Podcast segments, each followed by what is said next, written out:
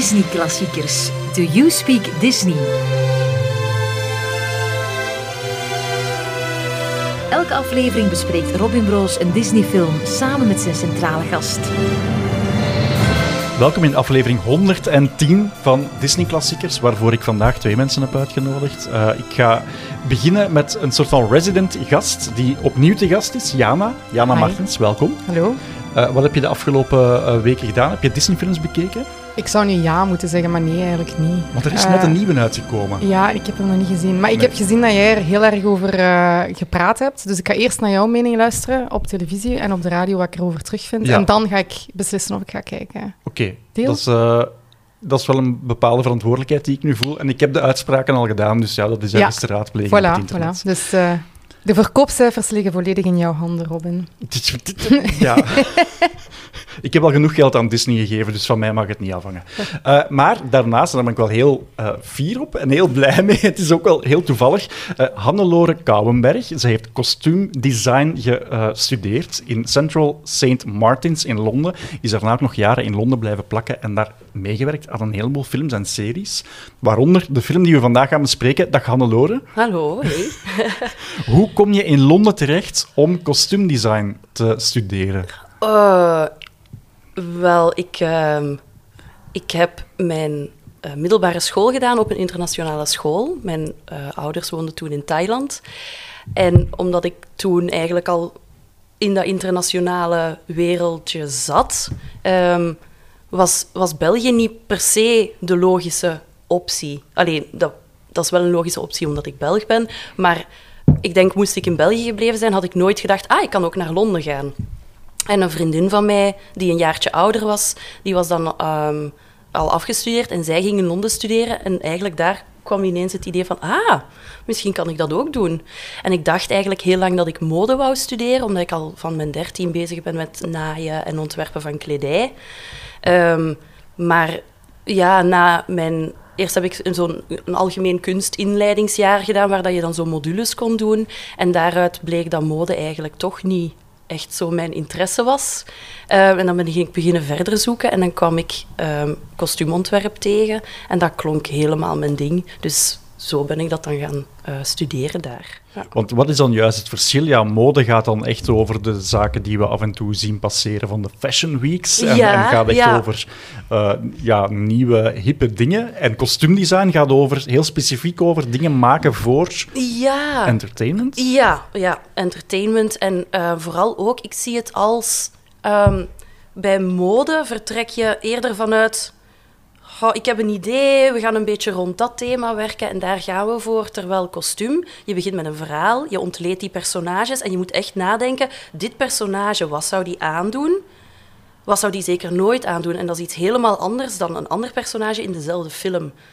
Uh, of theaterstuk of zo. Um, en dat, ja, dat vind ik wel heel interessant, omdat je voor een heel specifiek persoon moet ontwerpen. Ik maak soms ook bruidskledij en ik zie dat eigenlijk ook eerder als iets dat aanleunt bij kostuumontwerp, omdat ik ervan uitga van wie is dit persoon, uh, wat vindt hij leuk, wat vindt hij mooi, uh, wat past er bij haar en dan maak, ik iets speciaal voor haar. Um, dus dat, dat heeft voor mij niks met mode te maken. Ja, maar eerder vanuit een narratief of vanuit een persoonlijkheid. Ja, je vertelt een verhaal eigenlijk ja. met, met, je, met je kledij. Ja. Oké, okay, wauw. En je hebt daar, want je bent daar blijven plakken in Londen. Je hebt mm -hmm. daar gewerkt voor onder andere Downton Abbey. Ja. Voor de eerste Guardians of the Galaxy. Ja. Voor Hugo van Martin Scorsese. Ja, ja. Dat zijn toch wel ongelooflijk coole projecten. Ja, ja dat, is, dat, is, dat heb ik het geluk dat ik inderdaad in, in Londen kon studeren. Omdat ja, heel veel big budget producties gaan daar ook naartoe, ook theater en zo. We hebben wel een beetje theater hier, maar dat is niet zo'n grote cultuur als in Londen heerst. Dus ja, er zijn grote, grote budgetten, dus daar kan ook al wel eens een kostuum van helemaal nul gemaakt worden voor elk personage dat meedoet in die film. Dus ja, dat was dat is heel, heel fijn, heel cool. En hoe gebeurt dat dan? Je, je wordt dan mee ingeschakeld in, in een grote productie als zijnde gewoon een radartje in het geheel? Ja, ja eigenlijk wel. Dus je, je, uh, je leert mensen kennen doorheen de jaren en je, je belt hen of zij bellen jou um, als, ze, als ze een job hebben. Um, dus ja, het, het kostuumafdeling is ook een gigantisch een gigantische afdeling. Ehm, dus je bent daar inderdaad maar één radartje. En dat wordt dan opgedeeld in... Ehm, ja, je hebt dan het, het office gedeelte waar dat de ontwerpster zit met haar assistenten en allemaal nog zo boekhoudingachtige toestanden en zo. Um, en dan heb je de, de werkplaats eigenlijk. En dat wordt hangt er vanaf van hoe groot ehm, het budget is, hoeveel mensen er nodig zijn. Heb je die opgedeeld worden in, in groepjes die dan wat focussen op specifieke personages of soms opgesplitst in mannen, vrouwen. Ehm, en dan heb je de cutters, die uh, nemen de tekeningen aan van de ontwerper. En zij analyseren dat en zij gaan eigenlijk het patroon uittekenen. En dan wordt dat uitgeknipt door de cutter, vandaar de naam van het mhm. patroonsnijden en de stofsnijden. En dan wordt dat doorgegeven aan de, costume makers. Ehm, en zij zetten dat in elkaar, uh, maar buiten de kledij die in elkaar gezet wordt, wordt er ook heel vaak zo de, de, de trimming, de decoratie wordt helemaal van nul uitgevonden. Dat kan dan zijn dat er vijf verschillende linten op een bepaalde manier gecombineerd worden om een heel unieke afwerking te maken aan de rand van een kraag of zoiets. Ehm, dat het eigenlijk allemaal unieke stukken worden. Um, ja. En dan ook nog een interessant deel van de kostuumafdeling is de buyer. En die gaat voor de kostuumontwerpster naar alle stoffenwinkels en supplies om um, ja, stof, te, stof te vinden, leer te vinden, al die dingen. En, en, wat deed jij dan specifiek? Want je hebt nu heel veel rollen. Ja, ik, uh, ik ben uh, seamstress geweest en ik ben ook cutter geweest. Ja. Maar voor de hele grote producties ben ik ja, dus de costume maker. Is eigenlijk de term dat we liever hebben dan seamstress. Ja. dat is misschien een snobisme. Um, maar uh, nee, ik ben hier in België ook wel cutter geweest voor een, een film die sommigen heel goed gaan kennen en anderen helemaal niet. Dat is uh, Iron Sky. Mhm. Ken je die? Ah, oké. Ja, de tweede daarvan die is hier gemaakt. En daar uh, ben ik cutter op geweest. Cool. En ik zag op IMDb dat je ook aan Zillion hebt meegewerkt. Ah, ja. Maar dat was... Toen was ik al gestopt met, uh, met uh, filmindustrie, ben, ik ben, want ik ben ondertussen um, lerares mode. Ik geef in een kunsthumaniora les. Um, ja, ik mis de filmindustrie nog, al, nog altijd wel. Um, maar niet om een hele vijf maanden lange productie te doen of zo. Dus mijn collega's bellen wel af en toe als ze zo... Ja, dat was de week in de herfstvakantie, hadden ze extra volk nodig, want dat was in de discotheek, dat was met heel veel extra's. Um, dus ze hadden mensen nodig, dus dan ben ik daarmee gaan helpen. Een aantal nightshoots en zo. Uh, dus ja, daar heb ik... Uh... De coolste scènes eigenlijk. Ja, ja de, de leukste scènes met alle uh, crazy opgeklede mensen en zo. Dat was wel heel leuk. Zeg, Hannelore, was jij als kind ook een Disney-fan? Ja. Of nog altijd zeker, misschien? nog altijd. Ja, ja, ja? zeker. Ja. Wat is zo de film die je het vaakst gezien hebt? Um, ik, ik denk dat dat waarschijnlijk niet de populairste, maar ik vind dat een hele leuke uh, Fantasia. De eerste. Ik denk dat we echt, mijn zus en ik, die grijs gedraaid hebben. Serieus, hè? Ja. Zo'n kans een moeilijke film? Ja. Nee, we vonden, ja, we vonden die heel leuk. Ja. En dan keken we die samen en dan was het altijd zoals een scène begon om het eerst te zeggen: Ik ben die, ik ben die. En, ja, en bij de dino's, wie was dan wie? Ah ja, de dino's, dat is waar. um, daar, daar, eh, nee, dat is, oh, zal ik eens kijken met haar en dan zullen we eens bespreken wie wie, wie is van de dino's. Ja. Goed punt. Nee, het was alleen zo die de mooie visjes, de mooie bloemetjes, de champignonnen. zeg maar, heb je dan ook um, Doornroosje gezien als kind? Ja, ja, ja. Um, die wel. En Maleficent is mijn favoriete uh, personage. Alleen mijn favoriete slechterik. Want ik heb ook meer dingen met slechterikken um, dan echt per se met de prinsessen. Uh, en ik vind Maleficent echt fantastisch. Ja. Saaiste film wel. Door roosje zelf is wel echt een saaie prinses, hè? Vind ik persoonlijk. Een saaie prinses of een saaie film? Ja, nee, sorry. Saaie, saaie, de prins en de prinses, dus de held en de heldin, waar dat het hele verhaal over gaat, zijn wel de meest bla. Ja. Allee, vind ik persoonlijk, daar gebeurt. Die doen niet echt iets, er gebeurt ja, niet Zij valt ook iets. in slaap, hè? Ja, ook al, ook al, ja. maar zelfs daarvoor, het gebeurt, het gebeurt, het verhaal gebeurt it happens to her. Niet zo deel ervan. Maar wel denk- een zalige film. Ik heb wel het gevoel dat die film ook eerder voor het visuele populair is. Want het is Ja, wel een van de mooiste, Ja, vind ik waar. dan. Ik vind het dan visueel wel, visueel wel een van de mooiste films. Ze hebben daar toen ook super lang aan gewerkt, net om die reden. Omdat in, bij de eerste ontwerpen, als ik het mij goed herinner, ehm, was het meer cartoonesk. Mhm. En dan was er een van de kunstenaars, zo, die de, de decors maakte, die was zo heel erg in die middeleeuwse stijl, Ja, zo bijna eh, wandtapijten of zo, die stijl beginnen, beginnen schilderen. En Disney zei, ja, we moeten het eigenlijk helemaal omgooien en het moet dat zijn. Maar ja, goed, dan moesten ze eigenlijk opnieuw beginnen met de rest ook. Ah. En dan maakte dat het super lang geduurd heeft dat die film is uitgekomen. Want eh, die is in productie gegaan nog voor Disneyland is opengegaan. Dus dat was 1955. De film is pas in 59 uitgekomen. En het kasteel in Disneyland heet Sleeping Beauty Castle. Ja, ja, ja, omdat dat reclame ging zijn voor een film die dan normaal weldra ging uitkomen. Ja. Maar dat heeft dan vier jaar geduurd. En moest dat dan ook niet vier jaar geduurd hebben, zou dat zo zijn van, oeh, spannend, wat Ja, gaat dit ja. worden? Maar na vier jaar heb je echt zoiets van, I don't give a shit. hè. Ja, Ja. ja, Allee. dat is waar. Dat staat daar, ze hebben dat beest een naam gegeven, wat maakt het uit? Ja. Grappig. Ja, absoluut. Maar goed, dan maken ze daar... Het is eigenlijk geen remake, het is een prequel. Mhm. Ehm, laten we misschien eens beginnen bij het begin, Hannelore. Was je, eh, hoe ben je op, die, op deze specifieke productie terechtgekomen? Want als je een Disney-fan bent en dan voor Disney mag gaan werken, dan lijkt mij het soort van summum.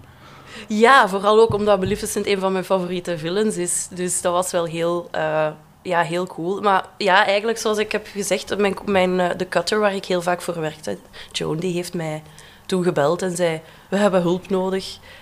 En dan is het ook heel vaak, kan je volgende week al beginnen. En dan sta je daar en dan... ehm, ja, soms is het, we hebben voor drie weken mensen nodig. Maar eigenlijk was ik daar nooit echt ongerust over. Meestal blijft dat dan toch duren en ben je toch weer vier maanden verder. Dus, eh, Maar ik kan Ja. me wel voorstellen, als je zo bellen, hè, voor, voor deze dan, voor Maleficent, van wil je meekomen doen? Je kunt je dat op dat moment niet voorstellen, wat voor kostuums dat je gaat moeten maken, denk nee, ik dan. dat is waar. Ehm, want, allee, ik spreek dan puur voor mezelf, maar de film die ze gemaakt hebben, was totaal niet iets waar dat ik aan gedacht zou hebben. Ehm, terwijl als je inderdaad zegt van, ah, je speelt, gaat een superheldenfilm, wordt er gemaakt, Guardians of the Galaxy bijvoorbeeld, Mhm. Er is dan misschien al eentje voor geweest, dan weet je zo wel al welke richting dat uit gaat gaan. Maar ik kan mij zo voorstellen, als ze, u- als ze bellen voor een op zich staande film, waar dat je niet meteen weet welke richting dat is, dat, is de, de film op zich een reden voor jou om te zeggen ja of nee? Zijn er zo dingen dat je zegt van, oh, zoiets zou ik echt niet hebben willen doen? Hmm. Want als ik hoor welke films en series dat je gedaan hebt, is zo een beetje van alles, hè? Ja, ehm goh. Nee, zolang dat het een, een, leuk, eh, een leuk project lijkt met, ja, ja dat histo- historische kostuums, fantasy, science fiction zijn natuurlijk leuke kostuums om te maken. Ehm, dus dat, dat heeft altijd wel de voorkeur. Ehm, maar nee, ik denk eerder, als ik nee zou zeggen op een project, dan is het omdat ik ervaring heb met de producer of, Ja, of de crew dat ik denk van, ja. nee, dat, dat komt niet goed. Eh, daar, daar ga ik niet voor werken. Ehm, maar over de kostuums, nee, niet per se. Ehm, natuurlijk vraag ik wel altijd wie de kostuumontwerper is. Ehm, en dat is dan altijd wel leuk om... Als ik, als, als ik al starstruck zou zijn, zou het eerder zijn omdat ik dan werk voor een van die grote kostuumontwerpers. Wat het dan wel heel, heel tof maakt. Dus nee, het, ja, het was natuurlijk wel heel cool om, om voor Maleficent te werken als ze mij belden, omdat je weet dat dat, dat toffe kostuums gaan zijn. Het is historisch en dan ook fantasy tezamen, dus ja, dat kan alleen maar leuk zijn. En was het dan, eh, want ik, ik, lees hier Anna Shepard, die de Ja. kostuumdesign Ja. heeft gedaan voor deze film. Inderdaad. Was dat dan iemand die je kende of iemand waar je naar opkeek? Ik, eh, ik had haar al- inderdaad al, eh, ik had al eens voor haar gewerkt voor ehm, de eerste film van Captain America. Ja. Daar is zij ook kostuumontwerpster. Ehm, dus ik kende haar inderdaad al. Dus ik wist dat dat wel leuke, leuke kostuums gingen zijn. Ja. Dus, Maar je mag dan werken voor ja, iemand top in de industrie, voor een Disney-film, voor jouw favoriete personage. En dan heb je mij verklapt dat je de film achteraf niet eens bekeken hebt. Nee,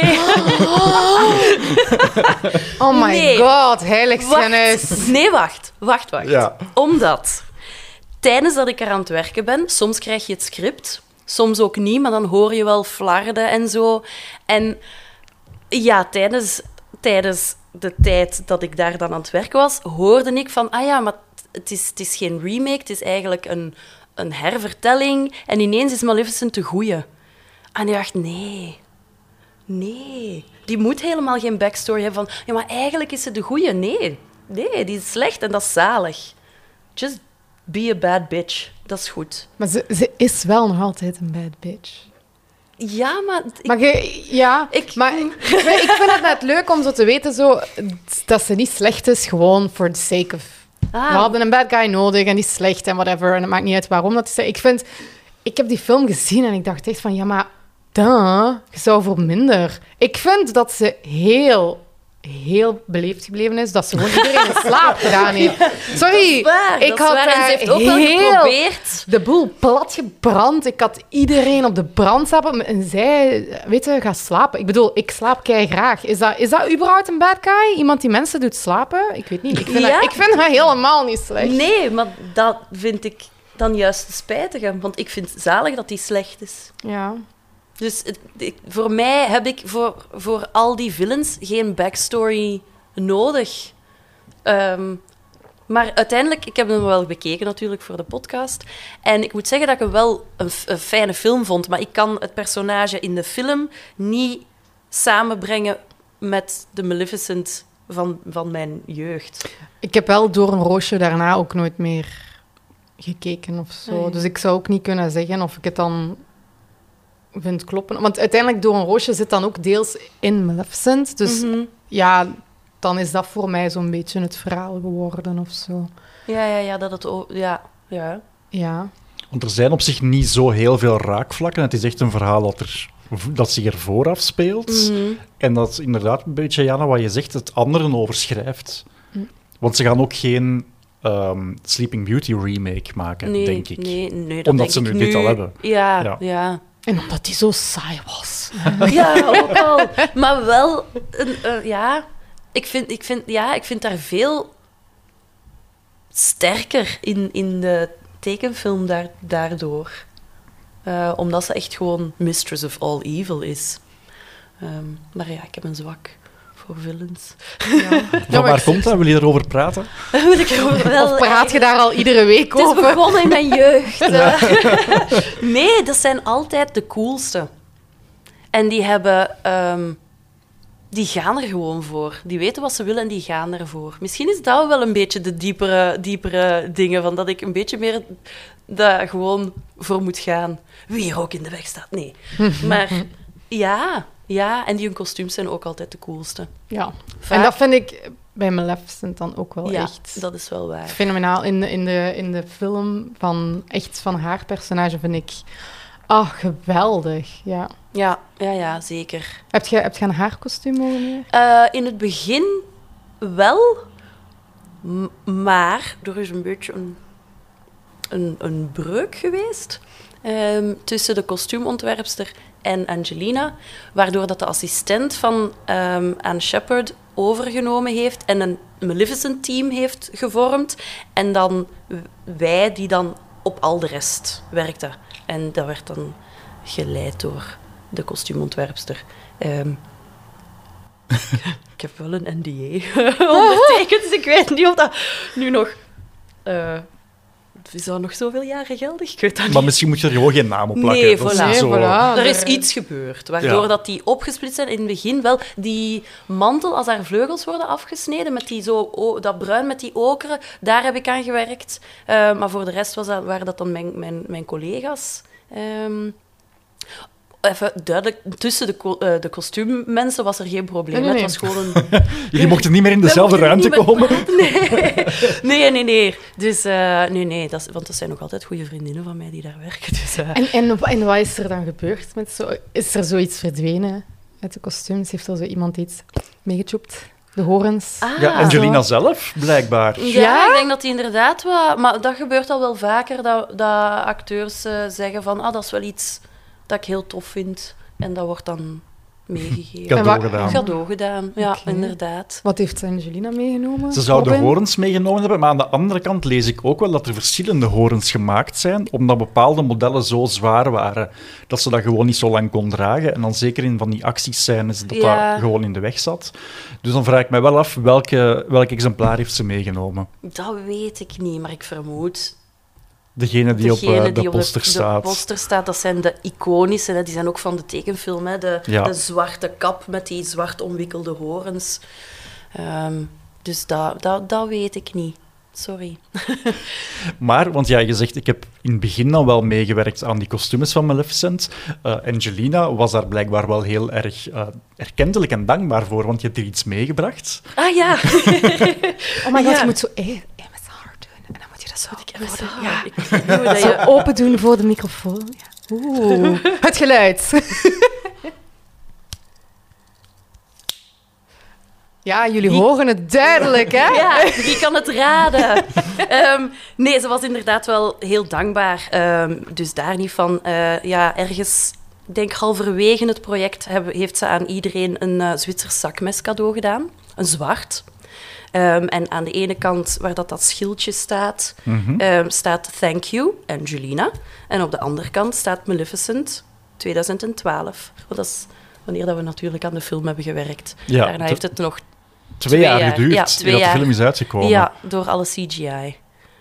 Dus die, die film wordt gemaakt. Jullie zijn eigenlijk al veel langer aan, aan het werk aan die kostuums. Er worden decors gebouwd. Enfin, al die dingen, dat duurt allemaal ontzettend lang. Mhm. Dan wordt die film opgenomen en dan duurt het nog eens twee jaar Ja, aan eigenlijk postproductie, computeranimatie. ja, ja. Ja, dat hangt echt af van hoeveel CGI dat erin gebruikt wordt, hoe lang dat, dat duurt. Want ja, dat is een enorm, een enorm proces. Hè. Als al, ja, aan die Pixar-films wordt ook zo lang gewerkt. Hè. Dus ja, daar kruipt veel tijd in. Vooral om het mooi en echt er toen uit te zien. Hè. Ja, zonder er hier nu een, een uur lang te zitten fanboyen of te fangirlen over Angelina Jolie. Ik Mag ik nog één ding vragen? Ja. Mag ik nog één? Ja. Heeft ze dat persoonlijk gegeven? Nee. Oh, ik nee, dacht dat ze ja ging zeggen. Ik was echt helemaal aan het panikeren. Oh my god, sorry. ik wist niet of ik dan nog, of ik dan nog rustig Maar dat kon was voor blijven. iedereen van de crew, hè. Ja.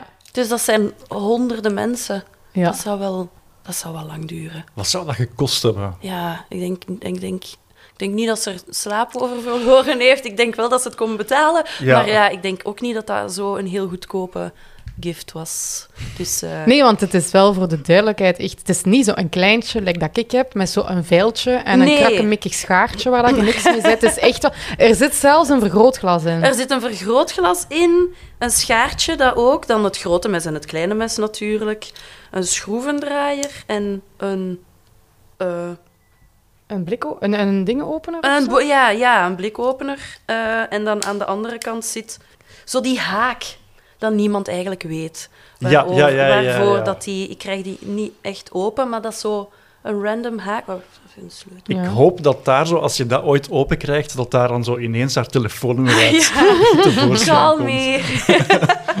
Ehm, ja, ehm, Nee, maar het is als ik die ooit open krijg, dan een laat heel ik het zeker stevig zakmes. Ja, ja, ja. Dus het is wel, het is wel een, een, leuke, een leuke memento. Ja.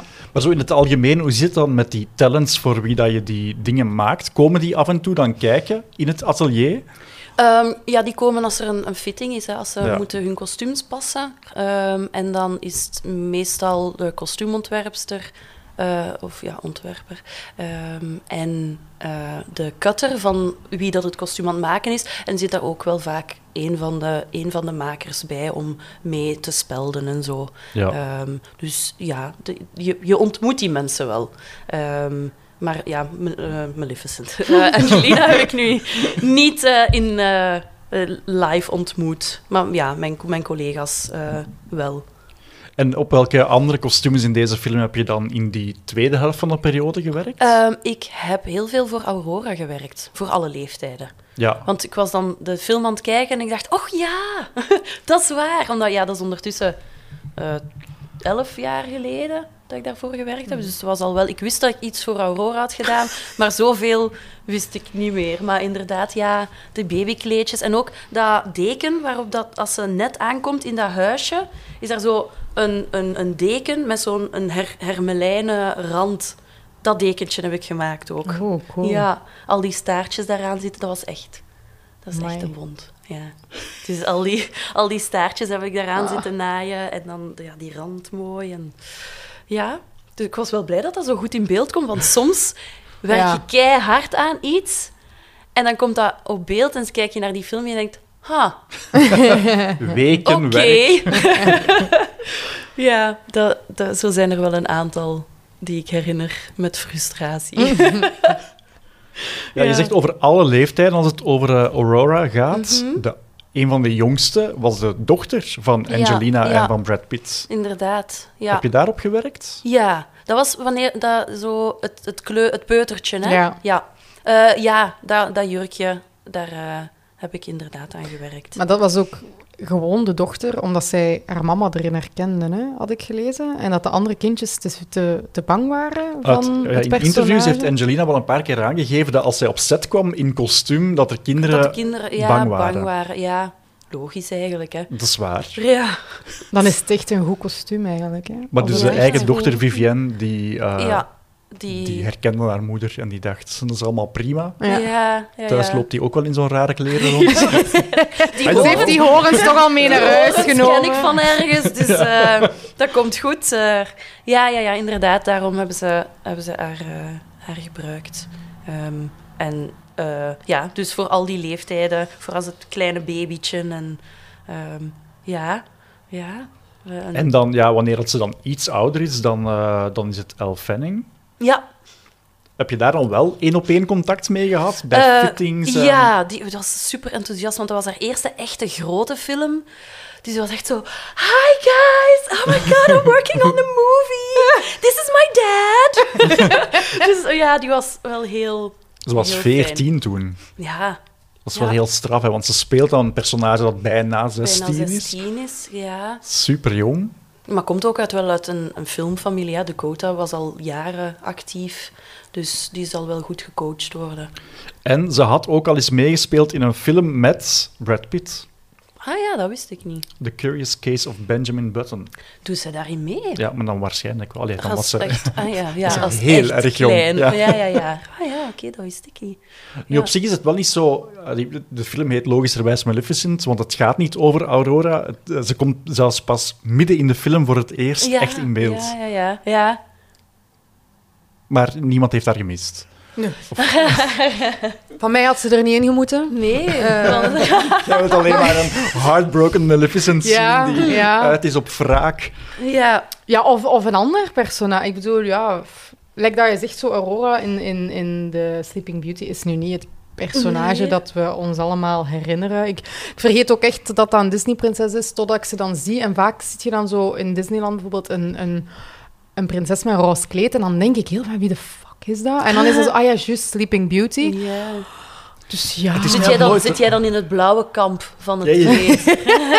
Ja, inderdaad, want ja, dat is dan de vraag. Wat is eigenlijk haar kleur? Ja, inderdaad. Eh, voor, ja, eh, ik, zie, ik denk dan toch wel eerder aan dat roze kleed. Maar ik het denk... blauw staat daar gewoon ook niet Ah, zo. voilà. En Cinderella is al blauw, hè? Ja, voilà, Daarom- daarom in Disney aan het roze Ja, is, ja. maar in de film is het niet duidelijk. Ja. Want daar gaan de feeën eigenlijk Ja, de, de hele tijd... Ruzie maken. Ja. Ja, maar daarom ook bijvoorbeeld, ik denk dat ehm, Ariel, die haar kleur is groen, is dat niet? ja, Terwijl dat die in de film... haar staart is, is groen. Is En En Groen. schelpen zijn Maar paars, ja. Ik denk in de hele prinsessenserie, die hebben echt allemaal hun kleur. Hè. Daarom dat Aurora blauw niet, blauw niet kon zijn.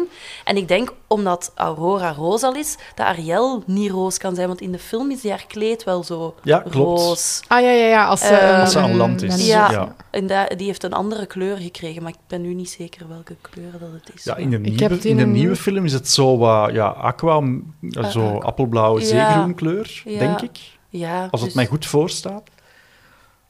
ik, zou, ik zou de prinsessen De line-up nog eens moeten de zien. line-up nog eens moeten zien. Maar ja, want dat is ook die marketing, hè. daar zijn ze wel heel goed in. Hè. Echt zo. Ja, maar Die ze gaan dan toch binnenkort kleuren moeten uitvinden. Hè? Ik bedoel, welke kleuren hebben we nog niet gehad misschien? Ik, Ja, eh, dat is waar. Maar nu is het ook in combinatie met, ja, met andere huidskleuren, dus misschien dat het dan weer wel kan. Hè? Ah ja, Mm, ah ja, want Oké. Tiana is ook groen. Ja. ja, we hebben het al even over die feeën gehad. Ehm, blijkbaar is er ooit het idee geweest om daarvoor de drie actrices terug te vragen uit Hocus Pocus. Oh, Ah, echt? Oh, dat keigoed geweest. ja. Ah, ja. Maar dat is uiteindelijk niet gebeurd. Nee. Ja. dat is ook een- goede knipoog geweest. Ja, absoluut. Gewoon ook zo de drie heksen van Hocus Pocus. Zo. Niet zo feetjes, maar echt zo De gewoon zij en dan klein gemaakt. Dat was echt perfect eigenlijk geweest. Ja. Ja. Ik vrees waar. gewoon inderdaad dat het zou een leuke knipoog zijn, maar dat zou dan weer de aandacht afleiden, terwijl het Mm. nu wel een losstaand, ja, nieuw verhaal Ja, is. dat is waar. Maar zijn er zoveel mensen die Hocus Pocus... Nog kennen? Er is Ja? wel langs een, een sequel de- van de- gemaakt. ja, ik ja, zeggen, is er een is sequel, wel maar een was die dan zo film. goed? Nee. Ik, ik was een heel grote fan van de eerste. Ik heb de tweede ook wel niet gezien. Dus- Dat is altijd gevaarlijk, hè? Zeker zoveel jaar later. Ja. Ja, En het is Ja. zelden een succesverhaal, hè. Dat het, Heel eh, zelden, Zo hè. met de Ghostbusters film, dan Alleen ook bij- zo, dat er alleen maar negatieve dingen over gezegd werden. Ik heb ze nu nooit gezien, hè, maar ah, zie, voilà. ja. Alleen bij Toy Story vind ik dat wel... Daar zijn die sequels echt goed. Ja, maar dat is dan, dat is dan weer zo. Dat- Disney, dat is nog een beetje Ja, dat anders. Disney pakt dat dan wat anders aan. Maar zo... Een reboot bedoel ik. Ja, zo. ja, ja. Dat is echt gewoon om de franchise in leven te Ja. houden. Hè? Ja. Ja. Waar, waarvoor ik nu bij deze film wel het gevoel heb dat er hier iets volledig nieuw gemaakt is. Dat is wel waar. Dan maakt het ja. wel weer interessant. Ehm, en dus iemand die dan wel eh, een van die feeën mag doen, dat is Imelda Staunton. Mhm. Die we kennen van eh, Harry. Potter natuurlijk. Ja. En nu recent nog in The Crown. Ja, ja, inderdaad. Ja, ja. maar toen dus als een van de, van de elfjes. Wat ik wel spectaculair vind, is dat hij op dat moment ehm, ook nog eens op de West End stond in Sweeney Todd. Ja. Dus overdag stond hij op set en dan s'avonds stond hij nog eens op de planken. Dat moet knettergek geweest zijn. Ja, dat denk ik ook wel. Ze ziet er nu ook niet uit alsof ze zo s'avonds de beentjes omhoog smijt en tv gaat kijken of zo. Heb Ze jij de niet- Crown gezien de laatste seizoen? Nee, ik, ik volg de Crown niet. Ik, zie, ik kijk de Crown niet. Maar eh, ja, als ik zo haar voor mij zie, dan zie ik niet inderdaad iemand die zich s'avonds in de zetel neervlijt. Dus ik denk, ja... Maar inderdaad, het moet eh, lange werkdagen. Waren dat voor u lange werkdagen? Ja, Ja? dat zijn wel... Een van de redenen waarom ik uit de filmindustrie ben gestapt, zijn, zijn lange, lange werkdagen. En soms ook als een kostuum klaar moet zijn, want ze moeten daar de volgende dag filmen, ja, dan moet het klaar zijn en dan blijf je totdat het af is. Ehm, dus ja, dat, dat zijn hele lange uren. Ook op set, hè. Maar... Ik wil u daar niet mee beledigen, dus ik hoop Ja. dat je het zo niet opvalt. Maar dat, ik, ik keek vroeger altijd naar Project Runway. Ah, ja. En dan was dat ook altijd zo, echt zo stress, stress. En dan dacht ik soms van, kunnen dat niet anders inplannen? Maar dus dat gaat ook in de filmindustrie duidelijk niet. Nee. Eh, kunt je dat niet anders inplannen? Ja, dat heeft ook veel mee te maken met, met uw cutter, die aan het hoofd staat, dat hij haar, haar plannen goed ja, op orde heeft. Wanneer moet welke eh, maker wat krijgen, ehm, om op tijd klaar te hebben.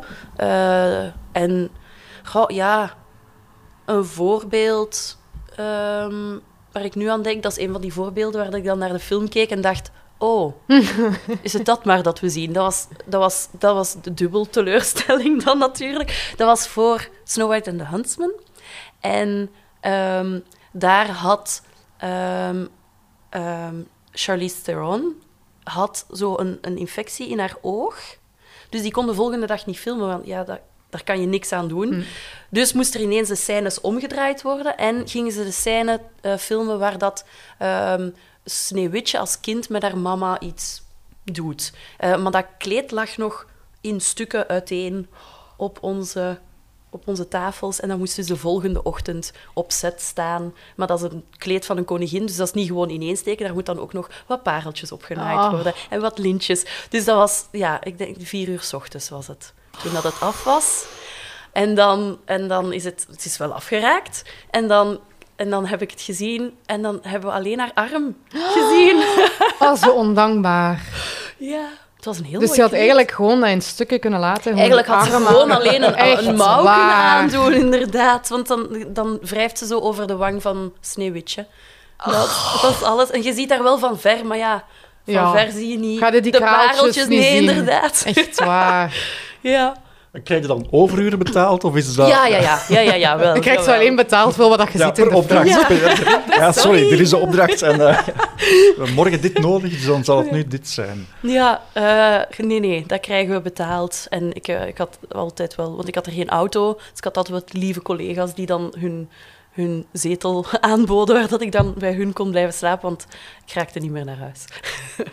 Want voor die, die ateliers is dat dan ook vlak aan de studio, zodat je heel Ja. snel, kan, ja, snel kan schakelen als het nodig is? Ehm, ja, vooral ook omdat eh, ja, die studio's, die, die, die, die soundstages zijn daar dan, maar er zijn nog heel veel andere gebouwen. En het is handig voor de kostuumontwerper dat die, als die opzet nodig is, dat die direct daar kan zijn. Ehm, voor heel de productie, hè, de, de, de, de productie zelf, eh, die zitten daar ook, die hebben daar offices. En ehm, eh, ja, wie zit daar nog? De setbuilders eh, en al die mensen, omdat je dan heel, inderdaad heel kort op de bal kunt spelen. Ehm, Dus je kan echt op die sets rondlopen terwijl je aan Ja. een film aan het werken bent. Ja, ja. dat Is was wel leuk. Ja? Om die vil- zo dat, dat dorpje eh, te bezoeken en zo dat huisje. Ehm, ja, want dan, dan, dan heb je echt zo... Ah ja, die film. Ja. Eh, omdat je in die wereld echt... eh, En is dat dan ook inspirerend? Is dat nodig van, van te weten waar het uiteindelijk terecht gaat komen? mm, niet per se. ehm, omdat, ja, ik be- ik ben ook de kostuumontwerper niet. Ehm, Ja. Maar dat is wel heel leuk, gewoon omdat je dan weet eh, van... Ah, hier gaan mijn kostuums rondlopen. En ook, eh, vaak zijn ze dan aan het filmen, dan mag je even gaan kijken. En dan zie je dat ook in actie. Dus dat is wel heel tof. En Dat moet er dan iemand tof. van de kostuumafdeling altijd op set staan voor als Angelina zegt die buigt en er scheurt iets of ik weet niet wat? Moet Ja. dat dan ook? Of er ja? valt een pareltje af? Of Ja. een vadeltje af, inderdaad. Ja, wat doe je dan?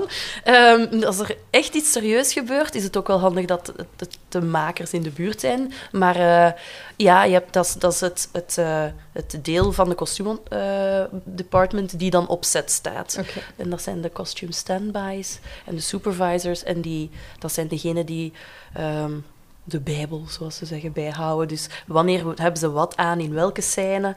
Ehm, en eh, ja, het kan zijn dat ze het interieur in, op een heel andere plaats filmen. Dat is dan bijvoorbeeld heel duidelijk in Downton Abbey, want de, de, het huis wordt gefilmd in Highclere Castle. En de, de downstairs wordt gefilmd in een soundstage in Ealing. Dus heel vaak is het... Ah, dat personage gaat zogezegd de trap omhoog.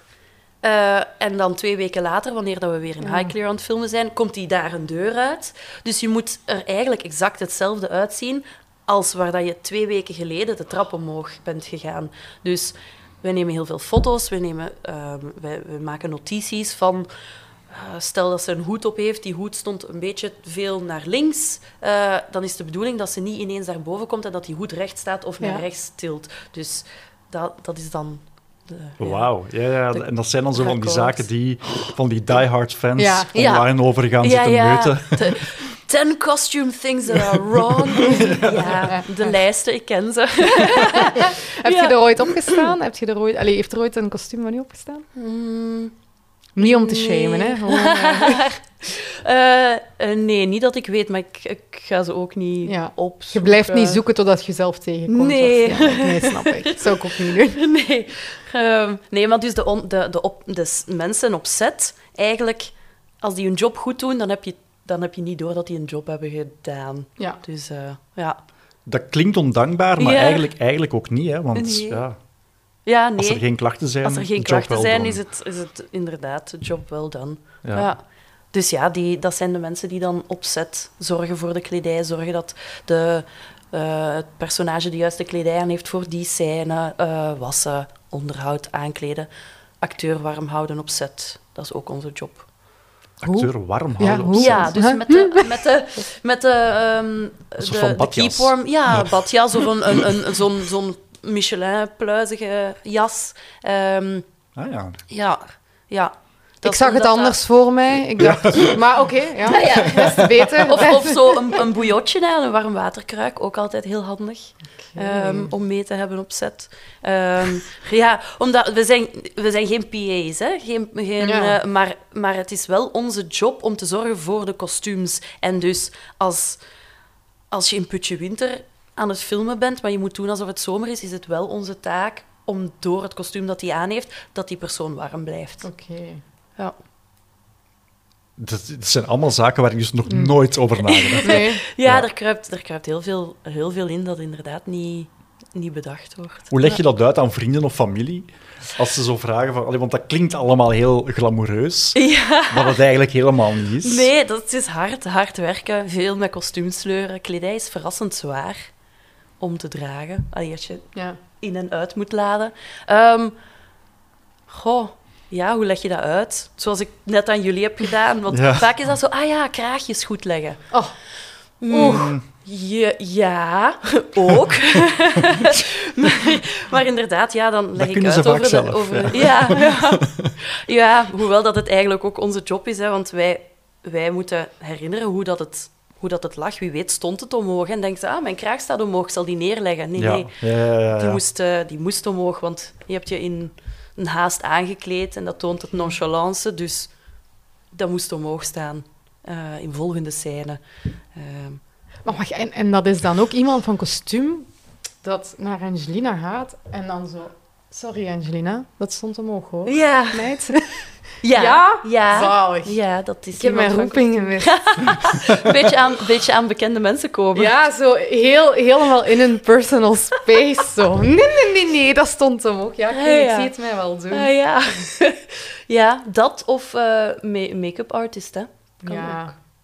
ja, dat vind ik dan te. Ja, Nee, kijk, dat zolang vind dat ik zij het zijn en niet de producer, vind ik het allemaal prima. Ja, ja. Die moeten inderdaad niet aan mensen zitten. Nee, nee ja, ja, ik hoop dat dat intussen... Ja, Voor eens en misschien voor dat altijd eh, voorbij Harvey is. denkt, er Ja. anders over denkt, maar Harvey nee. dacht aan besparing. Ja, ik, Nee, ik nee, zal het wel doen. Ik zal dat kostuum wel rechtleggen. Nee, nee. In dit geval heb je eigenlijk te maken gehad met de regisseur. Mm, nee. Nee. Dat is eerder als je op set staat Ja. dat je te maken hebt met die Ja. mensen. Maar als, als, als kostuum... eh, ja, in de kostuumafdeling waar dat de dingen gemaakt worden, ehm, daar kan je tenzij dat je op set gaat kijken of gevraagd wordt om op set even iets te fixen of zo, ehm, word je, ehm, kom je eigenlijk niet in contact met, met de mensen op set. Ja. Soms wel. Ah, een collega van mij bijvoorbeeld, die heeft voor eh, de bende van Jan de Lichte gewerkt. En daar moest iemand aangekleed worden.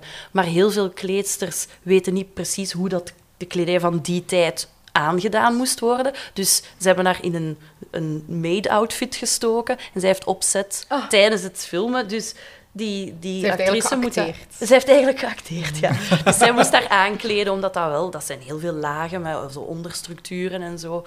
Dus eh, dan, dan kom je wel op set. Ja, je- wauw. Ja. En in beeld, hè? In beeld ook. Hela. Ja. Ah. Maar dus in dit geval, de regisseur was Robert Stromberg. Dat was zijn eerste film. Enfin, daarvoor heeft hij heel veel production design gedaan. En volgens Angelina was dat echt wel ja, eh, handig. Dat hij wist hoe zo'n film Mhm. gemaakt moest worden. Omdat hij het achter, allee, aan de andere kant ook had meegemaakt. Maar die heeft dus gewerkt op Avatar, op Alice in Wonderland. Die eigenlijk een van die eerste grote Disney ja, ja. remakes. Um, en is ook de eerste, of de, de, de first time director met zo'n gigantisch budget. Sinds Tron. Ah, oké. Bij maar Disney bedoelde. Bij- Nee, gewoon in het algemeen. In het algemeen, wauw. First-time eh, regisseur die zoveel die geld zoveel kreeg geld om een kreeg. film te maken. Ja. Ja, maar hij is wel geslaagd, hè? dat denk ik wel. Maar dus ik vermoed dat eh, zo'n eh, regisseur dan eerder in rechtstreekse lijn staat met dan degene die de kostuums ontwerpt. Ja. En die staat dan met jullie in contact ja. en zo. Ja, Ja, ja, ja. De klassieke piramide. Ja, inderdaad. Structuur. Een hiërarchie. vooral Heel, in, heel voor- erg, Vooral in Engeland. Ja, ja. Is dat zo? Ja? Ja, dat wel. Heel, heel hiërarchisch. Zo, in de kostuumafdeling nu niet, maar zo naar de producers toe ehm, en, en naar de acteurs toe. In Engeland iets minder, maar je hoort verhalen van in Amerika van... Die zijn echt god. Je praat daar niet Je tegen. kijkt ze je niet in valt de je ogen. val- ja, je kijkt ze niet in de ogen. Ehm, dus dat is, dat is wel iets minder. Maar som, ja, soms is dat wel. Maar dat is dan niet vanuit die acteurs. Hè? Dat is dan ja, zoiets iets raar van productie dat daar rondhangt. Van laat die mensen maar met rust. Maar dat is dan anders natuurlijk voor, voor make-up artist en, en voor kostuum, want wij zitten daar constant. Ja. Dat is gewoon heel raar als je een 10 centimeter van iemand zijn gezicht verwijderd bent en dat je dan daar geen gesprek mee Je doet. hoofd weg. Dat is echt Terwijl gewoon... dat je Angelina Dat is gewoon heel creepy als mensen zo... Ja, ik ga hier gewoon eventjes aan jou zitten zonder dat ik je aankijk of zonder Ja. dat ik tegen je praat. Ehm, dus nee, meestal, meestal zijn, die, die- ja, zijn die acteurs ook heel, heel fijn, heel gewoon. Dus Het doet me denken aan een sessie die ik onlangs moest volgen. Ik, ik werk freelance op VRT. En iedereen die voor VRT werkt, moet dit jaar een cursus volgen over eh, grensoverschrijdend gedrag. Hoe dat je dat kan aanpakken, hoe je dat kan eh, signaleren. En dan is er iemand extern die dat komt geven. En die had dan een aantal van die anonieme casussen mee. En dan moest je die eh, ja, eigenlijk rangschikken volgens wat dat je denkt dat het ergste is en wat is minder erg. En, enfin, een van die dingen daartussen was, je komt in een studio en je moet geprikt worden door een technicus. Mag die zomaar onder je kleren zitten zonder dat op voorhand te vragen? En dan denk ik, dat is duidelijk opgesteld door iemand die niet in de sector zit, want dat krijg je inderdaad moeilijk uitgelegd, van iedereen zit daar iemand onder je Ja. t-shirt. Zo je blus omhoog zonder, Ja, zonder en dat is een beetje hetzelfde wat jij nu zegt van ja, ineens staat daar iemand met een borstel in je gezicht of zit daar iemand je kraag recht te zetten. Ja, er is wel wat ehm, bijna intiem contact, maar dat kan niet anders. En als je in die sector zit, dan weet je dat het erbij hoort. ja, En zolang daar geen misbruik van gemaakt wordt, dat dat Ja. professioneel is, dan is dat prima. dat is waar, maar ik vind dat je dat toch nog altijd even vraagt Ja. of even aankondigt. Niet, niet per se vragen van, van, van consent vragen, maar gewoon, ik ga even Ja. dat doen. En dan is dat ook niet een ding van, we gaan hierover beginnen praten, maar dan doe je, ja, ja, oké. Allee, je bent daar op je job te doen, zij zijn daar op je job te doen, maar ik vind dat je dat toch even aankondigt voordat je aan iemand komt. Ook, ook mensen die prikken, dat, dat moet echt onder de kledij. Dus als je daar gewoon naartoe wandelt en je hand daaronder... Allee, Ja, dat, ik vind dat niet kunnen. En, en heel veel, heel veel eh, geluidspersonen die ik ken en persers en zo vinden dat ook niet. En die gaan dat altijd wel even zeggen van... Uw batterijtjes zijn bijna op. Ik ga even Ja, in ja, broek ja. zitten. En gewoon... Ja, ook al, het is, dat, ook al is dat je job, je bent nog altijd wel een persoon als acteur. Dus je moet niet behandeld worden als... Ik kom hier even mijn, mijn job doen en jij als persoon bent niet belangrijk. Vind ik wel. Ik heb ooit één keer, of ja, ik heb al een paar keer een microotje op moeten hebben, maar één keer weet ik nog, ehm, dat was dan de allereerste keer dat ze dat gingen doen met mij. Dus, en die, dat was een mannelijke persoon en die gaf mij dat. En dat was echt zo, dus je gaat dat nu, die, was, dat- die wilde mij niet aanraken. Ah, dus dat was echt zo, je gaat dat nu zo moeten doen en dan moet je dat van achter op je... En dat lukte mij echt niet.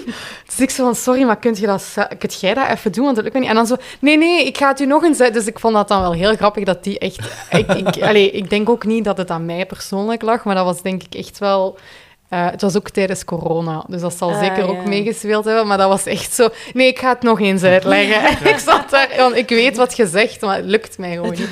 Dus dat vond ik dan wel... Dat is dan zo het hele tegenovergestelde van... Ik blijf vijf meter Ja. af. Ja, ja, ja. Nee, doe het zelf En dan nog corona erbij. Ja, Ja, nee. zo. We verstaan u niet goed. Ja, had het dan zelf gedaan. Ik heb het u vijf keer uitgelegd. Ja. Ja, ja, ja. Ja, ja dat is dan inderdaad wel het extreme andere. Ehm, ja, grappig. Nog iets heel leuk gelezen over het eh, personage De Kraai. Ah, zalig Mm, personage. Ja, vind ik ook Ah. wel. Dat vind ik Ja. wel leuk, dat ze met die kraai iets gedaan Ja. hebben. Die heeft dus kraaienpootjes, wanneer dat die in een menselijk gedaante is. Ah, Ja. En dat is, die, die, die gigantische littekens, want die heeft toch ook littekens? ja, maar dat hebben die Ah, echt die zo... grappig. Zalig. Dat zijn van die details waar ik heel erg blij van word Ja, als Maar ik dat is, is dat, lees. is dat dan, werkt dat in iedere taal, vraag ik mij dan af? Want het past nu toevallig dan in onze taal en in het Engels zal het dan ook wel Ja, allemaal. Ja. Ik nu Waarschijnlijk wat- niet, maar, Nee. Maar- ik denk dat Amerikanen of Britten daar ook niet echt mee bezig Nee. zijn als ze dat soort van knipogen Als het in maar in het Engels steken. juist is. Ja. Nee, inderdaad. Als ze het dan niet erg vinden dat Oppenheimer zijn Nederlands stukje niet uitkomt, dan gaan ze het, niet net wakker liggen over... Ja, maar ha, in het Hindi, kraaienpoten, dat werkt echt niet. Hoe raar was dat inderdaad in Oppenheimer? Of ja, en wij staan daar dan bij stil, maar voor Ik was echt aan het wachten. 97% van de Ja. bevolking, de wereldbevolking, ja. is dat geen punt. Nee, nee, dat is waar. Maar ik denk toch ook... Allee, dat zo... Ik vond dat wel heel ouderwets. Want inderdaad, vroeger in films was zo... Het is een andere taal. Ja, Duits zal wel goed zijn. Ehm, maar nu, omdat we in zo'n globale samenleving wonen... Ja. Dat is een kleine moeite toch om... Hadden ze nu zo, niemand ja. gevonden die Nederlands sprak? Ja. Dat snap ik ook niet zo. In zo'n monsterproductie, ook, Ja, daar, ook, daar zit ja. dan zoveel geld in. Allee, Maar dan vind ik de grotere Maar- fout wel met de vlaggetjes. Dat ze daar dan een ster te veel op hebben staan, op de Ah, Amerikaanse ja. vlaggen. Eh, omdat ze toen nog niet meer zoveel staat. Dat vind ik dan eigenlijk... Dat gaat dan over hun eigen, Hun eigen... Ja, dat is waar. land. Dus dan denk ik, ja, als ze het daar al niet juist in kunnen doen, waarom verwachten we dan dat ze deftig Nederlands kunnen spreken? Allee.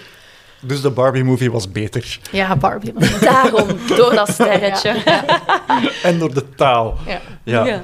Ehm, Ehm, ja. Maar dat is, ik vind dat ook wel leuk, zo die Easter eggs, dat ze daar dan insteken. En voor sommige werken, eh, me- werken we- me- eh, mensen werkt dat. En voor anderen niet. Net zoals die hocus pocus mensen, als ze die zouden gebruikt hebben. Voor sommigen zou dat... Ah, dat zijn Ja. die... Ah ja, I get it.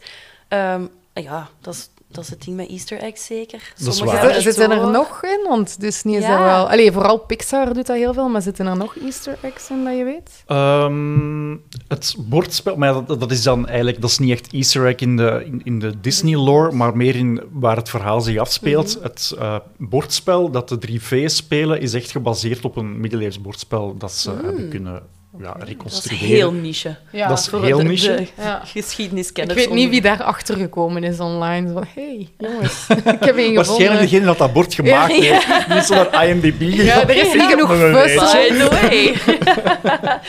Ach, er gaan zeker wel history geeks zijn die dat doorhebben. Maar zelfs, zelfs de kraai is een verwijzing naar ehm, ja, Europese verhalen. Volgens Ierse overlevering is de kraai sowieso eh, geassocieerd met de dood, Hmm. eh, met bedrog. Dus op zich klopt het ook wel. Maar ja, dat, dat zat dan eigenlijk ook al in die Dat originele zal, wel- ja, tekenfilm dat zal wel de reden zijn waarom dat die sowieso al een kraai Maar hij had. krijgt hier inderdaad een veel grotere Ja. rol. En dat vond ik ook wel, allee, dat vond ik ook wel tof. En brengt ook meerwaarde aan haar personage, vind ik. Ehm, ja, zo een beetje gronden. Ja, en ook zeker nadat ze zo verraden is, Mhm. merk je dat ze echt wel... Iemand allee, nodig ja, heeft, En dat dan de kraai er eigenlijk echt Ja, als enige trouwe buddy uitkomt Ja. voor haar. Ja. ja. Want ze zegt, I need you to be my wings, maar eigenlijk is hij veel meer. Hè? Ja. Ja, dus dat is wel cool. Wat er wel anders is dan in de tekenfilm, daar zou je kunnen zeggen dat het verhaal zich afspeelt ergens in de rand met Frankrijk-Duitsland. En dat heeft dan veel te maken met de iconografie en die decors. Mhm. En hier is het heel duidelijk dat het zich afspeelt ergens in Noord-Engeland, Schotland of Mhm. zo. Ja. Dus dat is wel een shift die niet meteen te verklaren is. Maar ook niet per se zo hard stoort, denk ik. Nee, ik weet niet. Ik, mij is geen van beide opgevallen. Ik dacht door zijn accent, Ja. door, door het accent van Stefan wel natuurlijk. Dit maar- vind ik echt niet kunnen. ja. dit, dit is de druppel. ja. Sorry, nee, dat was mij echt geen van beide. Ja, ik bekijk nu de poster en als je zo het kasteel bekijkt en dat ligt dan ook zo ergens zo op iets heuvelachtig, het doet mij inderdaad wel meer Schots aan dan zo het, eh, we zijn bijna in, in, in de Alpen. Ja. Of de, Vla de, Ja. de, de, de Waalse Ardennen. Hè. En het valt mij nu ook op dat eh, Aurora hier duidelijk een blauw kleed draagt. Mhm. Ah ja, inderdaad. Einde discussie. En haar kleren waren ook niet eh, blauw en roze. Geel, geel en blauw waren haar, waren haar kleuren. Ja, maar hierboven dan, aan het kasteel, hè, zo die, die, die kleine torentjes en die boog, dat doet me dan wel zo... Dat is dan wel echt, doet me denken aan typisch Disney.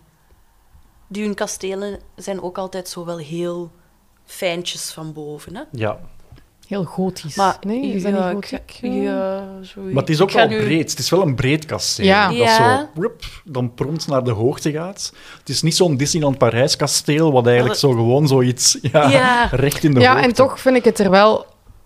Ja, misschien uiteraard, maar bon, het, ik vind het er wel op lijken. Want het doet me dan ook, als ik er naar kijk, wel denken aan Oostenrijk. En als ik mij niet Ja, vergis, staat het, het, het kasteel waarop het gebaseerd ja. is, staat in Oostenrijk.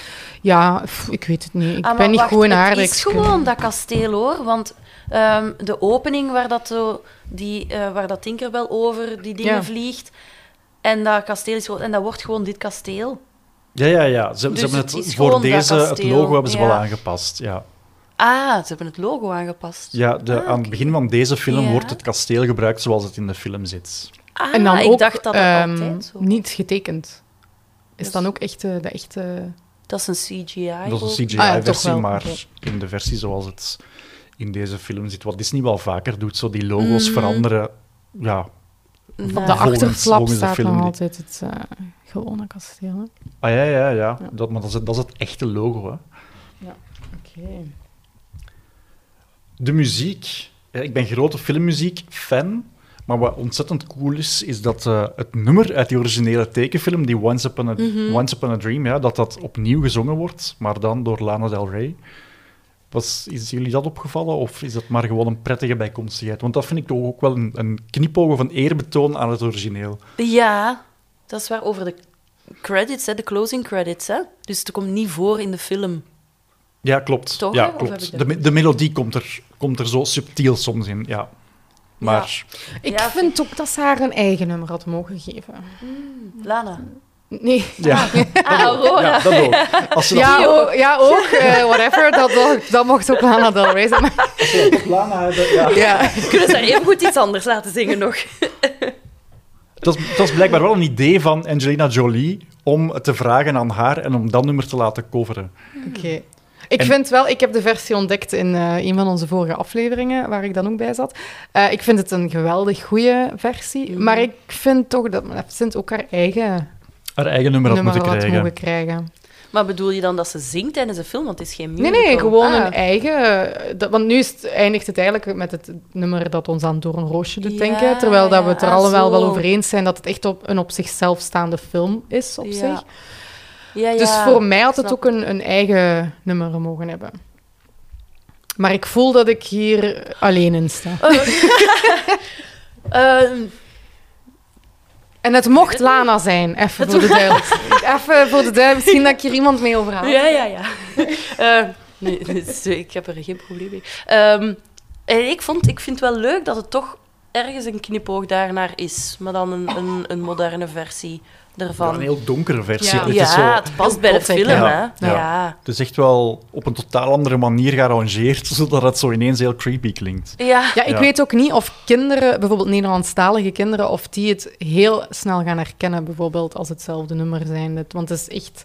Allee, wij Mm. luisteren al heel goed naar de tekst en zo, dus je hebt het heel snel door. Maar ik weet zelfs niet of kleine kinderen... En nu, ik zou de film nu ook niet door heel kleine kinderen laten zien, maar ja, het, het staat ver genoeg van het origineel nog altijd. Hè. Ja. ja, ik vind het ook wel een heel coole gothic-versie. Zo. Ja. Ja. Gothic, dat is wel het woord. Gothic Ja. versie. Ja, ja. Ja, dat is waar. Maar ja, nee, ik snap ook wel dat er een, een aparte, een eh, persoonlijke versie van eh, Imperial March of zo. ja, bijvoorbeeld. Bijvoorbeeld zoiets. Ehm, nee, nee, maar ik snap, ik snap het wel, omdat het echt een apart verhaal is. Ehm dat had erbij gemogen. Zwaar. Ik heb met nu heel veel hierover te lezen, ook zo wat interviews, ja, vooral dan van Angelina Jolie.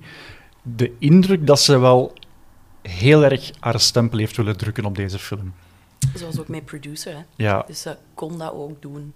En zonder daarmee terug te keren naar hetgene wat misschien gevoelig ligt. En de, de, Ik dacht ja, het ook net. Maar ehm, een van de dingen die ze wel in interviews heeft aangegeven, is dat op een bepaald moment Disney was op, aan, aan het aansturen op ja, we willen dat je wat vrolijker dingen draagt en, Mm. en dat het personage er wat cartoonesker moest uitzien, zoals in de tekenfilm. En dat ze eigenlijk er echt ja, voet bij stuk hield. Nee, nee, en ik wil er net Mhm.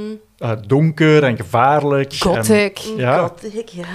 Dus eigenlijk is dankzij Angelina volgens mij dan, als ik het zo hoor, dat het zo'n goede film is. Want als ik het hoor, cartoonesk en zo, dat, Ja, allee, dat, past er ook echt niet bij dat verhaal. Ja, misschien is er daar iets, iets fout gelopen, inderdaad. Dat weet ik dus niet. Het is niet dat dat verteld werd. eh.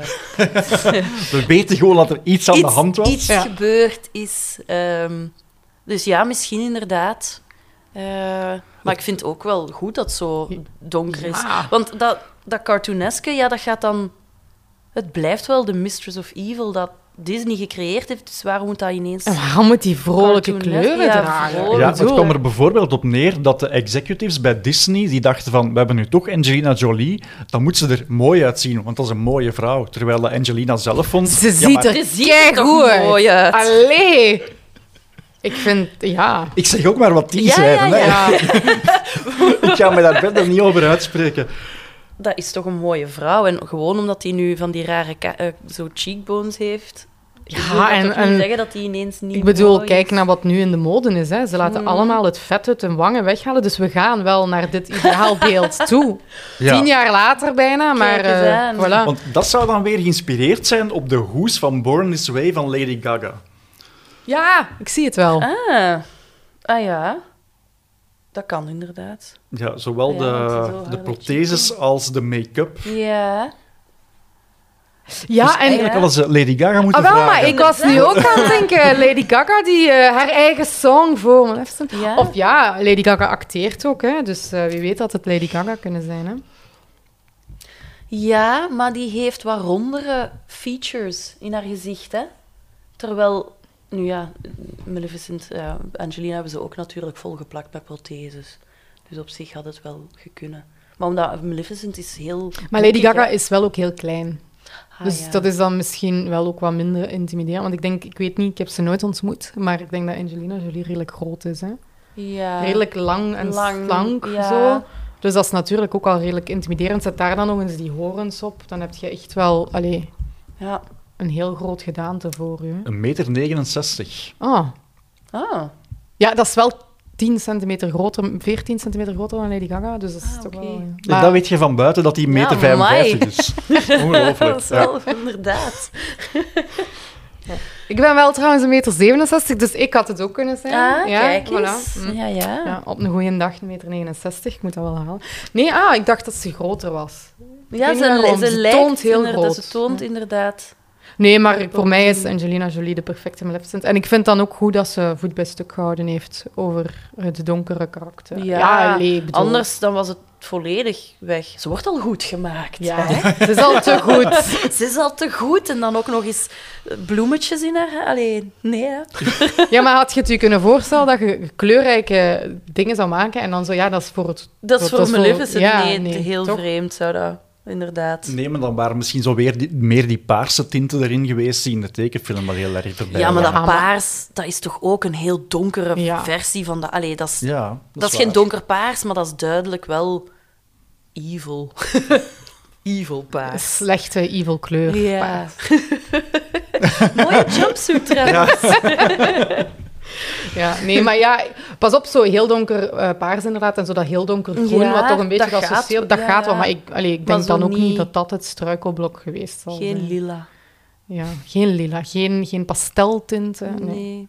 Maar ik bedoel, als je zelfs naar Aurora kijkt, kan me nu wel absoluut niet al haar kostuums voor de geest halen, maar hier op de, op de ehm, DVD is dat zelfs ook helemaal geen vrolijk blauw. Hè? Ik Nee. bedoel, dus dan zou ons hoofdpersonage eigenlijk er veel kleurrijker uitgezien hebben misschien dan, dan, Dan de prinses. Ja. Slaat nergens op, hè. Nee, dat is waar. En Ik vind het heel lelijk. Ja, sorry, is dat het geen...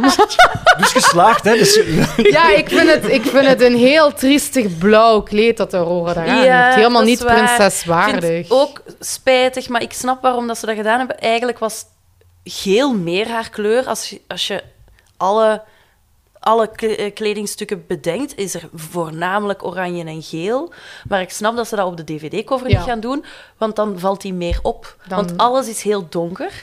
Maleficent staat wel vooraan, maar is, is donker gekleed. En als dan Aurora daar over haar schouder daar in het geel staat te blinken...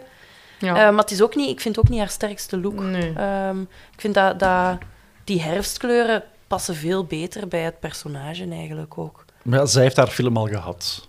Ja. Ja, Dus het was iemand anders eh, om te shinen deze inderdaad, keer. dat is waar. Zeg, Hannelore, was het een, een straf om deze film te moeten bekijken nu? Voor de eerste keer? Nee, nee, want zoals ik zei, ik vond het eigenlijk wel goed, maar ik, ik kan het wel niet zien als echt Maleficent. Voor mij is het gewoon een, een fantasyfilm. En of dat nu Maleficent is of niet, ik vond het wel een interessant verhaal. Eh, dus nee, het, was, het is oké. Je hebt me niks aangedaan. Alright. Ja, want de, de film heeft het keigoed gedaan. In die mate zelfs dat Disney redelijk snel besloten heeft, we gaan een sequel maken Ja. erop. Ja, dus die is ah, intussen ook uitgekomen. Ehm, Ja. Ga je die nu bekijken? Of ben je totaal niet meer benieuwd wat er hierna gaat gebeuren? Eh, is die al uitgekomen? Oei. Ik ben, ik ben ook helemaal niet Ah, mee, denk ah, ik. zie, ik ben niet alleen. Ja, dat is mij... Of wel, of niet? Of wel? Nee, ik wist dat die Ik wist Is dat dat- daar sprake van was, want ik wou nog zeggen van en wanneer komt nu eigenlijk die tweede uit?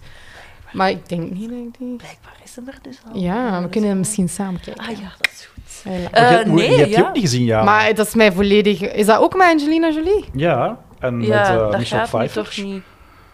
Oeh, die zou ook goed geweest zijn, want die heeft wel zoiets Angelina Jolie-achtig soms. Ja, maar ik. ik... ik 2019 uitgekomen. Die, die, die kreeg dan weer niet zo'n goede kritieken, omdat het nogal Sequel, ja, Ja. gemakkelijk vervolg was. En wat, wat speelt En die Michelle heet dus- Pfeiffer?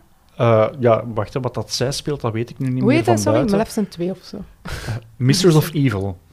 Dat is de officiële naam, maar wordt dus ook wel vaak afgekort als Maleficent 2. Staat op Disney+. Plus. Ah, Ja, ik heb dat niet, hè. Ja, dat is het probleem. Dat Heb is je het mijn login niet eh, dat is het begin van al mijn problemen. Ja, ja, inderdaad. Disney-fan Alle- zijn, Disney-fan zijn en geen Disney Plus hebben. Ah Ja, ik, eh, het is handig. eh, mijn zus heeft al kinderen die Ah. Disney-leeftijd hebben. Dus eh, dat... En speelt ehm, eh, Fanning, ik ben haar voornaam kwijt. Ja. Doet die ook er terug in mee? mee? Ah, Oké. Ja, en zij Elfen. wordt koningin. Was die niet al koningin? Die haar papa sterft toch op het einde? En dan wordt hij gekroond. Ja, maar dus ze is dan Het is echt koningin. en meteen het speelt, daarna. Nee, het speelt zich af vijf jaar later. En dan wordt ze nog eens koningin. En dan is ze koningin. Ah. En ehm, ze wordt een huwelijk gevraagd door een zekere prins. En wacht, hè. Ze moet nu echter de keuze maken of ze haar fantasierijk inruilt voor het koninkrijk Ulstedt, waar, ze jarenlang vijandig, waar al jarenlang vijandigheid mee heerst met het koninkrijk waar zij dan koningin van is. Mm. En het is Michelle Pfeiffer die koningin is in dat Ah, andere rijk. Ah, oké. Dus daarover gaat de film, maar het is wel een Maleficent film. Ja, het is een Maleficent film. Het klinkt zo een beetje als een doornroosje film, als je het mij vraagt. Maar oké, ik, Ja. ga, ik ga hem eerst kijken voor ik er een oordeel over Maleficent is nu de beschermer van Aurora. Oeh, jij gaat die film niet goed vinden. Ik hoor het al. Het is veel te goed. Het is veel te goed. Ja, ik heb, zo, ik heb zo het gevoel dat Michelle Pfeiffer de slechterik gaat zijn. Ja, Mhm. Ja, hè? Ik denk Ja. dat hij dat ook wel goed zou doen, slechterik spelen. ja, ja, sowieso. Maar ja, nee, dat is mij volledig ontgaan. Wauw. ja. Prachtig. Al zit hier dan met zo'n grote fan aan tafel. En dan, eh, Ja, en dan... ja. ja, het moet kunnen, maar ik, ja, ik herinner mij dat ik hem gezien heb en dat ik er Hij is totaal niet van, bijgebleven. dat ik Nee, want niet van onder de indruk Ah was. ja, ja. In die mate zelfs dat ik nu, als ik mijn lijstje had gemaakt voor de podcast, dat ik hem gewoon niet opgeschreven heb. Ah, ja, voilà. mm, zo dus slecht. ik bedoel, Ja. Ja. misschien hebben wij gewoon gelijk. ja we hebben hem voilà. niet gezien en misschien moeten we het niet Ja, voilà. Nu, de dagen worden korter eh, als je zo eens een avond niks te doen hebt. Dat is waar, dan zullen we eens bekijken, inderdaad. Disney Plus. Eh, Jana en Hannelore, grote dank. dat was zeer fijn om weer uh, Dat is super interessant. Ik vond het eh, heel interessant om ook eens te horen hoe dat, achter de schermen bij deze film... Allee, deels achter de schermen ja. eraan toegegaan is. Eh, ja. ja, eh, Heel interessant, dat, dankjewel. is, dat is graag gedaan. Ik vond het eh, een eer om erbij te mogen zijn. Een, een facet dat mij tot nu toe, eh, waar ik nog nooit over had nagedacht. Of toch niet op die manier. Ja, niet op het warm houden van de wel. acteurs en zo. Dat is, nu het, dat is iets dat me bijblijft. Ja. Dat je ze ook moet warm houden. Ja, Je bent verantwoordelijk voor hoe koud of warm dat ze het hebben, dus je moet ze ook afkoelen of ja, opwarmen. ja, ja, ja. Ik heb ook altijd een waaier bij, dus... Oké. En jij moet dan, jij moet waaien? Nee, jong. Nee, oké, dat doen ze nog zelf. Oké, dat doen ze Nee, nee, maar je geeft het aan hun. Oké. Hier is een waaier. Heb je die nodig? En ik heb dus oog in oog gestaan met een zakmes En- waar de naam Angelina op En staat. misschien zit daar het adres van Angelina ja, ik zal hem straks even Ja, dan- doorgeven aan jou. Dus- Dan mag jij eens lospeuteren. Ongelooflijk. Ja, dit is echt... eh, dichter bij Angelina gaan Nee. we nooit meer Ik komen. denk het ook niet. Ik vrees er ook voor. Merci. Dankjewel, ja, is graag Robin. gedaan. Dankjewel dat ik erbij mocht zijn.